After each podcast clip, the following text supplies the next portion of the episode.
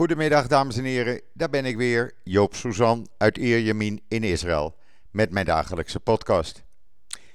Ja, ik had eigenlijk iemand uitgenodigd voor vandaag, maar er is zoveel weer te melden dat we dat even uitgesteld hebben. Maar laat ik maar eerst even met het weer beginnen, want ook daar is toch wel iets bijzonders over te melden, want we zitten nu op uh, 10 september en het is verdorie nog steeds 40 graden overdag. Tenminste bij mij. Op sommige plaatsen is het aanmerkelijk warmer. Uh, en dat zijn temperaturen die voor deze tijd van het jaar eigenlijk behoorlijk te hoog zijn. Want normaal zou het zo tussen de 32, 34 graden moeten zijn. Maar ja, het is wat het is. Er is een blauwe lucht, een zwak briesje. En s'nachts uh, dalen de temperaturen naar 26 graden, 27 graden. En dat blijft voorlopig nog wel even doorgaan. Er is nog niet echt een eind in zicht, volgens uh, de weersverwachting die je dan op televisie ziet. Maar goed, we doen het er maar mee. De airco staat aan en binnen is het behagelijk, om het zo maar te noemen, met 25 graden. Ja, eh, dan allereerst even het coronavirus, want dat loopt in Israël totaal, maar dan ook totaal uit de hand. Er zijn in 24 uur gisteren 3904 nieuwe besmettingen in Israël bijgekomen. Uh, de ziekenhuizen kunnen het eigenlijk niet meer aan. De, de speciale plekken voor patiënten met coronavirus die zijn vol. Uh, en er wordt nu ook opgeroepen om gewoon stand te peden, à la minuut, uh, een volledige afsluiting van heel Israël in gang te zetten. Ja, uh, of dat gaat gebeuren, weet ik niet. Vanmiddag uh, gaat de regering daarover uh, beslissen. Maar ja, alle beslissingen tot nu toe die de regering genomen heeft, die werken niet zoals ze zouden moeten werken. Want sinds, ja, sinds de opening, de snelle opening eigenlijk van Israël naar de eerste virusgolf, is het alleen maar bergafwaarts gegaan. Er liggen nu op dit moment 474 mensen in een uh, kritieke toestand. 133 van hen zijn aangesloten aan de beademing. Dan zijn er nog 158 patiënten met matige klachten. Uh, de rest heeft overwegend milde klachten. Het aantal doden is gisteren in 24 uur ook weer met 11 gestegen en staat sinds vanmorgen op 1054. Dan zult u zeggen, ja, dat is niet veel vergeleken met Nederland. Nee, dat ben ik met u eens. We hebben hier de helft minder inwoners. Maar sinds begin augustus zijn er bijna 600 nieuwe doden bijgekomen. En dat is wel veel in een maand. Voor een land met net iets meer dan 9 miljoen inwoners. Blijkt ook dat 9% van de mensen die getest worden uh, het virus hebben. En dat is ook schrikbarend hoog. Uh, zo mag je dat wel noemen. Uh, men heeft dan gepoogd om uh, in de ultra-orthodoxe steden, dorpen, wijken en de Arabische steden en dorpen, om daar een avond lockdown in te stellen tussen 7 uur s avonds en 5 uur s morgens. Nou, dat werkt dus voor geen meter, want de, het is sinds twee avonden aan de gang. En al die twee avonden zijn er zoveel bruiloften, feesten en partijen die hebben plaatsgevonden. Dat eigenlijk kan je zeggen, men heeft maling aan welke beslissing dan ook die de regering uh, neemt. Ja, en dat krijg je als je dus, uh, nou, elke beslissing uh, op het moment dat die ingaat, na een uur alweer gaat veranderen. En eigenlijk niemand meer weet waar je nou aan toe bent. ik volg het nieuws de hele dag. Maar ik zou u niet kunnen zeggen welke regels er op dit moment gelden. Echt niet. Ik ben de tel kwijtgeraakt. Er wordt gezegd: oké, we moeten twee meter afstand houden en een mondkapje dragen. Maar als je bijvoorbeeld sport, hoef je geen mondkapje te dragen. Dus wat zie ik? Terwijl ik met mijn hond uh, uh, mijn wandeling doe, bijvoorbeeld s'avonds. Dan zie ik allerlei mensen ook wandelen zonder mondkapje. Want zeggen die: ik ben aan het sporten. Ja, op deze manier uh, krijg je het virus natuurlijk nooit onder de knie.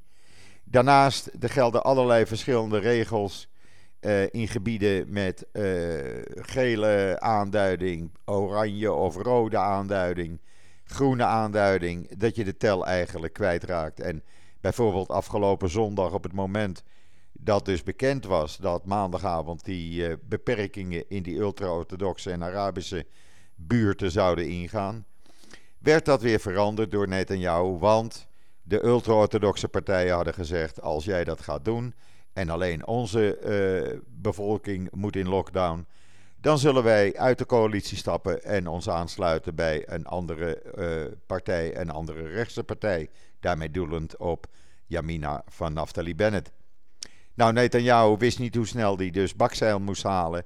Waardoor dus nu sprake is van een avond- en nachtlockdown waar niemand zich aan houdt. De yeshivas die zijn gewoon open, scholen zijn gewoon open, terwijl ze op bevel van de, van de regering gesloten moeten zijn. Nou ja, het is dus één grote chaos, zoals ik vanmorgen ook al in het artikel meldde. En dat kan gewoon niet zo doorgaan. Dan moeten we maar tijdens de feestdagen, die beginnen de Joodse feestdagen, vanaf 18 september, drie tot vier weken in een soort van lockdown. Het maakt mij niet uit, ik zit toch al het grootste gedeelte van de dag thuis. Omdat je gewoon nergens meer naartoe durft te gaan. Dan is er ook nog een heleboel gesloten. En, oh ja, het schiet me nu te binnen. Je mag thuis niet meer dan 10 mensen hebben. En dat moet dan eigenlijk nog familie zijn. Dus vrienden kan je niet uitnodigen. Vriendinnen kan je niet uitnodigen. Uh, ik kan niemand uh, lekker verwennen met eten.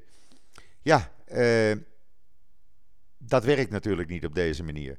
En we moeten gewoon van dat virus af. Dus hopelijk worden er nu echt maatregelen getroffen, zodat iedereen gewoon in lockdown moet. En we dan maar even een, een drie, vier weken thuis moet, verplicht thuis moeten zitten. Je mag dan wel naar de supermarkt en de apotheek en dat soort dingen. Maar dat je gewoon uh, ja, tot 500 meter van je huis mag. En that's it. Uh, er moet gewoon wat gebeuren. Want anders zitten we volgende week met 6.000, 7.000 besmettingen op een dag. En dat kan gewoon niet. Dat kan gewoon niet doorgaan. Hopelijk uh, wordt er een verstandig uh, besluit genomen. Ik laat u dat weten natuurlijk via JoodsNL. Dus hou dat in de gaten. Ja, en dan uh, hebben we dan dinsdag aanstaande in het Witte Huis de ondertekening van de normalisatieovereenkomst tussen Israël en de Emiraten. Ja, dat is toch wel een dingetje hoor. Ik vind dat echt prachtig. Uh, de eerste handelsdelegaties die reizen al op en neer. Uh, er zit nu weer een delegatie van banken die overeenkomsten maakt. Er gaat een delegatie van het Sheba ziekenhuis naar de Emiraten toe. Om daar de innova innovaties uit Israël uh, ja, ook maar in gang te zetten. Zodat de partner in de Emiraten van het Sheba ziekenhuis daarmee overweg kan. Waardoor ook daar maatregelen, Israëlische maatregelen kunnen worden getroffen, innovaties uit Israël kunnen worden gebruikt. Om te proberen uh, dat uh, virus ook daar onder de knie te krijgen. Ja, en dan is er uh, gisteren natuurlijk die bijeenkomst geweest van de Arabische Liga. Waar de Palestijnen eigenlijk ja, voor Jan met de korte achternaam stonden. Want die hadden dus geëist uh, dat er een resolutie werd aangenomen.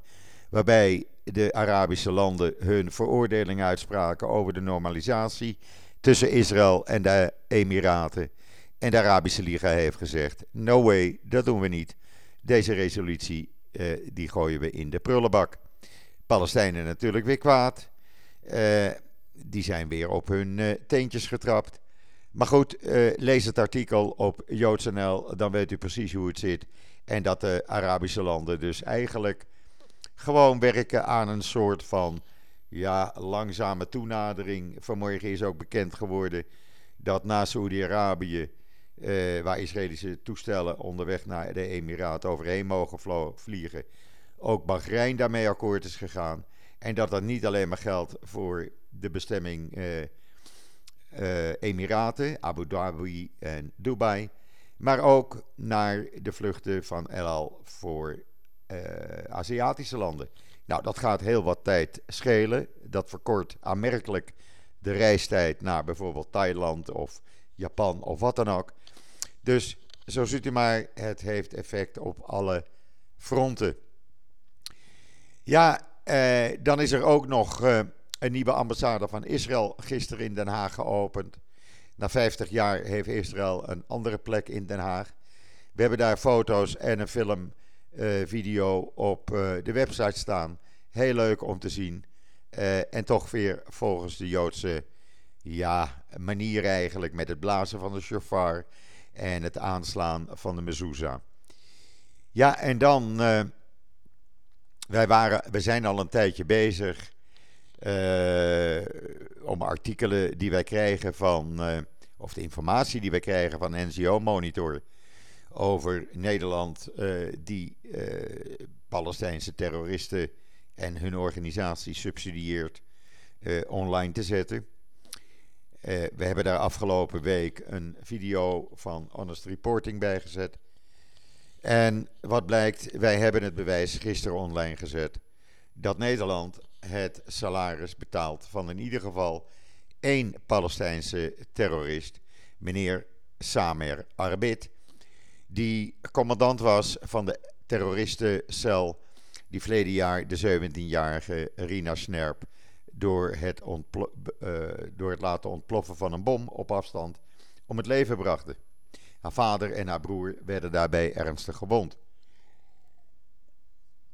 Deze man meneer Arbet, uh, meneer Arbit, die, uh, ja, die stond dan uh, op de loonlijst van de, het Nederlandse consulaat in Ramallah.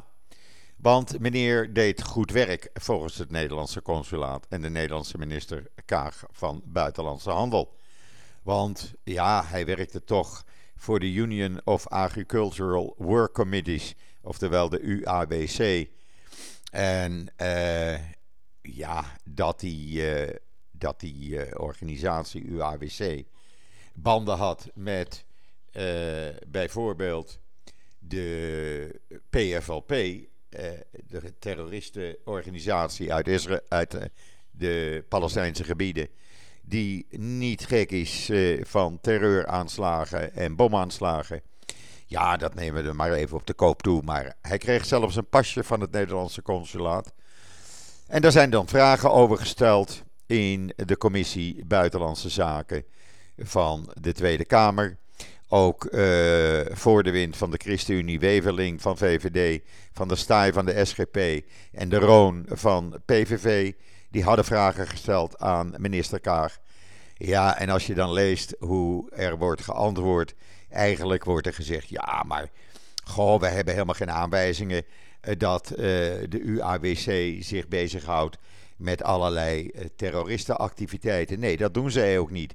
Maar zij sluizen gewoon het geld wat ze uit Nederland krijgen, uw belastinggeld, sluizen zij gewoon vrolijk door naar die terroristenclub. En mevrouw Kaag doet dan net van, nou, daar weten wij helemaal niks van en we gaan dat zorgvuldig onderzoeken natuurlijk. Uh, op een vraag uh, enige tijd geleden van meneer Kuzu. Uh, waarom de UAWC wordt gestraft terwijl haar medewerkers nog niet zijn veroordeeld. Daar zegt eh, mevrouw Kaag over dat het kabinet een extern onderzoek laat uitvoeren naar de vraag en gaat kijken of er sprake is van banden tussen de UAWC en PFLP. Nou, mevrouw Kaag en de mensen op het ministerie van Buitenlandse Zaken. U kunt zich de moeite besparen, echt. Want u hoeft dat onderzoek niet te doen. Lees het artikel op joods.nl. Want mevrouw Kaag, in dat artikel van joods.nl, daar ziet u hoe de PFLP in een online gedeeld uh, bericht uh, meerouwt met de gevangen genomen commandant, hun commandant, Samer Arbit, meerouwt omdat zijn moeder is overleden. En Samer Arbit is one of the heroes of the Poppin Operation. Met andere woorden, hij is de held, een van de helden van de operatie waardoor de 17-jarige Rina Snerp het leven verloor. En als mevrouw Kaag dan zegt op 8 september wij gaan dat onderzoeken of er banden zijn. Dan zeg ik nogmaals, mevrouw Kaag, spaar u de moeite. Deze publicatie van de terroristenclub PFLP is op 30 augustus al online gekomen. En uw mensen in het consulaat in Ramallah hebben deze uh, publicatie gezien. Ik kan me daar niets anders bij voorstellen. Zij moeten hem hebben gezien. En zij moeten hebben gezien dat de PFLP zelf toegeeft dat een van hun terreurcommandanten salaris ontving van de Nederlandse regering. Want hij werkte tenslotte bij de UAWC. Weet u wel, dat zou u toch gaan onderzoeken. Nou, in ieder geval, mevrouw Kaag, u heeft alle gegevens via JoodsNL. Uw onderzoek kunt u beëindigen en het salaris, zou ik zeggen, stoppen. En zo snel mogelijk ook. Ik zou eigenlijk zeggen, mevrouw Kaag, ga eens onderzoeken hoeveel uh, miljoenen er nog meer naar zogenaamde humanitaire organisaties in de Palestijnse gebieden gaat. Die dat doorsluizen aan terroristenclubs, aan terroristencellen, aan uh, lone wolf terroristen. Want wij hebben zoveel onderzoeken online gezet. En wij werken daarin samen met NGO Monitor, mevrouw Kaag. En dat zijn mensen die heel nauwkeurig hun onderzoek doen. Ja, ik weet het. U doet uh, NGO, NGO Monitor af als, ach, dat kunnen wij niet serieus nemen, zoals u dat zelf zegt. En zoals uw ambtenaren dat ook zeggen, van ja, eh, NGO Monitor, ja, we nemen de kennis van al jaren. Sinds 2015 komen die rapporten bij ons binnen. Maar ja, er moet toch veel meer bewijs zijn. Willen wij stoppen met het betalen van uh, Palestijnse terroristen? Ik begrijp dat dus niet. Ik begrijp dus gewoon niet dat Nederlands belastinggeld naar terroristenclubs in de Palestijnse gebieden gaat. Terroristenclubs die er genoegen in hebben om Israëli's te vermoorden, om Joden te vermoorden. En dat kan mij ook overkomen, zoals ik maandag zei. Ik kan op straat lopen en dan gaat er een bom af. Ergens waar ik toevallig in de buurt ben. En die gaat af doordat een uh, zogenaamde humanitaire werker, die betaald wordt door de Nederlandse regering, betaald wordt met Nederlands belastinggeld, het prettig vindt, het leuk vindt om Joden te vermoorden. En dat is natuurlijk een heel raar gevoel. Dat is een, echt een heel raar gevoel. En ik vraag me af hoeveel bewijs NGO Monitor of welke organisatie dan ook nog aan de Nederlandse regering moet stoppen, uh, moet, moet uh, geven, voordat het geld om terreurnetwerken in stand te houden vanuit Nederland stopt. Ik zou zeggen, Tweede Kamer, Buitenlandse Zaken, stoppen. Stoppen met het betalen van zelfs 1 eurocent. Alleen als je weet, en als je 100%, 200% zeker weet, dat dat geld naar echte humanitaire zaken gaan. Dat dat geld wordt gebruikt om Palestijnen te helpen, ja, prima. Maar geen geld geven aan terroristen terwijl je weet dat die terroristische activiteiten uitvoeren. En zoals ik vanmorgen al op Twitter zei, elk lid van de Tweede Kamer die nu durft te zeggen van ja, maar ik heb dat helemaal niet geweten. Ik zou zeggen, zeg je baan op. Ga wat anders doen. Ga vakken vullen. Ga uh, putjes scheppen. Maar doe wat anders. Want je bent het dan niet waard om het Nederlandse volk in de Tweede Kamer te vertegenwoordigen. Als jullie, als Tweede Kamerleden, als jullie als Commissie van Buitenlandse Zaken, alles wat door Buitenlandse Zaken, door mevrouw Kaag en meneer Blok, u wordt voorgeschoteld voor zoete koek aanneemt. En de artikelen van NGO Monitor en JoodsNL en het CIDI gewoon opzij schuift. Ja, sorry, dan moeten jullie niet in de Tweede Kamer zitten. Ik moest dat even kwijt. Het, zat me, het zit me gewoon niet lekker. Ik, ik, ik word daar gewoon kwaad om. En waarom word ik daar kwaad om? Omdat het gewoon bekend is. Het is al jaren bekend. En al jaren wordt alle informatie die wordt gezonden door NGO Monitor en door andere organisaties aan de Tweede Kamer, aan het ministerie van Buitenlandse Zaken, wordt als niet ter zake doende gewoon in de prullenbak gegooid. Nou, ik vind dit geen manier van doen. Klaar. En als dit zo doorgaat, u weet wel waar u op 17 maart niet op moet stemmen. U weet dan dat u niet moet stemmen op leden van partijen die dit goedkeuren. Ik wil niet zeggen dat dit het laatste woord is wat ik hierover zeg, want er komt nog veel meer bewijs. Uh, dat heb ik al uh, vanmorgen te horen gekregen van NGO Monitor.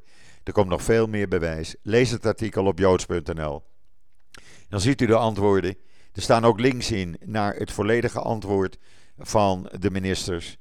Uh, zodat u precies weet hoe het in elkaar zit en hoe leden van de Tweede Kamer gewoon een, een, een rad voor de ogen wordt gedraaid. Ik kan het niet anders noemen. Goed, maar dan hebben we natuurlijk ook nog uh, ander leuk nieuws. Jawel, er is nog wel leuk nieuws hoor. Er is echt wel leuk nieuws. Ik bedoel, uh, de handel met de Emiraten, ja, dat gaat gewoon erg leuk worden. Uh, daar is iedereen blij om. Omdat iedereen weet dat dit het begin is van een totale omwenteling in het Midden-Oosten. En zoals Koesner het gisteren, gisteren ook zei, de Palestijnen hebben nu de kans om uh, een twee-staten-oplossing te accepteren. Want dat is het hele doel van dit hele proces. Die annexaties die gaan niet door, heeft Koesner heel duidelijk gemaakt.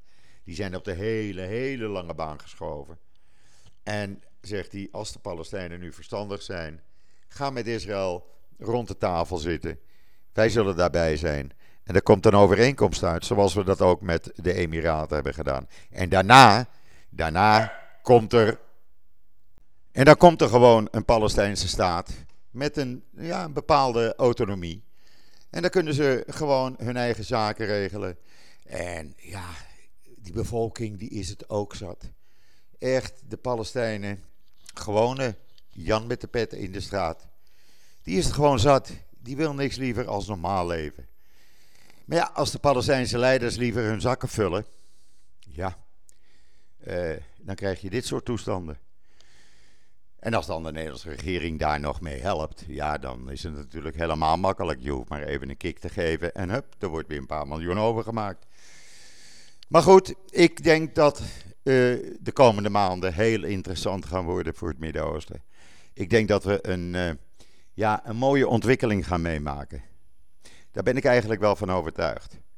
Voorlopig heb ik besloten om maar niet naar de Emiraten te gaan, want ik wil er heel graag naartoe. Maar eh, ook daar loopt het eh, aantal besmettingen van het coronavirus behoorlijk op. Uh, ruim 800 op een dag gisteren. Dus ja, laten we eerst maar zorgen dat het coronavirus eh, eh, een beetje in de hand te houden is. En dan nog iets anders. Uh, gisteren is bekend geworden dat er een voorstel komt in, in de Knesset. Er ligt een wetvoorstel om alle Israëli's onbeperkt gratis mondkapjes te geven. Dat is natuurlijk mooi. En ten tweede, er is gisteren bekend geworden dat uh, voor de bevolking in Israël boven de 65 jaar en mensen die een bepaalde aandoening hebben, komt er een griepvaccin wat 24 keer sterker is dan het normale gebruikte uh, griepvaccin.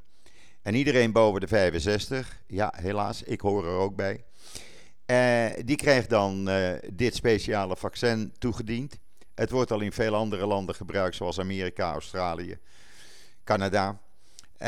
Waardoor zeg maar de kans op, op griep uitermate klein is. Je houdt er een, een lichte verkoudheid aan over. Nou, prima dat de Israëlische regering toch op die manier in ieder geval goed voor zijn bevolking zorgt. Als ze nou ook nog eens een keer minder chaotisch te werk gaan en zorgen dat dat virus in bedwang wordt gehouden hier, nou, dan kunnen we de toekomst en het nieuwe jaar, wat volgende week vrijdagavond begint, kunnen we weer een beetje positiever inzien. Want op dit moment is uh, bijna 50% van de Israëli's gedeprimeerd, blijkt uit een recente peiling. Gewoon omdat men problemen heeft met werk vanwege het virus eh, gedeprimeerd is doordat je niet eh, naar het buitenland op vakantie kan, niet de dingen kan doen die je anders wil doen. En men wil eigenlijk niets liever dan normaal weer kunnen leven. Laten we hopen dat dat uh, gaat lukken.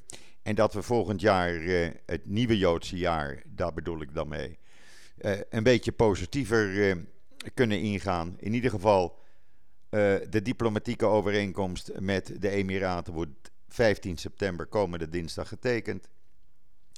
Dat is een positief ding. En we wachten af waarmee de regering vandaag of morgen komt voor wat betreft wel of geen lockdown. En wat voor maatregelen er nog meer worden genomen. Ik laat u dat allemaal weten. Uh, u ziet dat vanzelf wel op JoodsNL. Ja, dat brengt mij toch weer een, uh, aan het einde van deze volle podcast. Laat ik het maar zo zeggen. wens ik u alvast Shabbat Shalom vanuit Israël. Een heel mooi en goed weekend toe. Hou het wel veilig. En wat mij betreft ben ik er maandag weer en zeg ik tot ziens, tot maandag.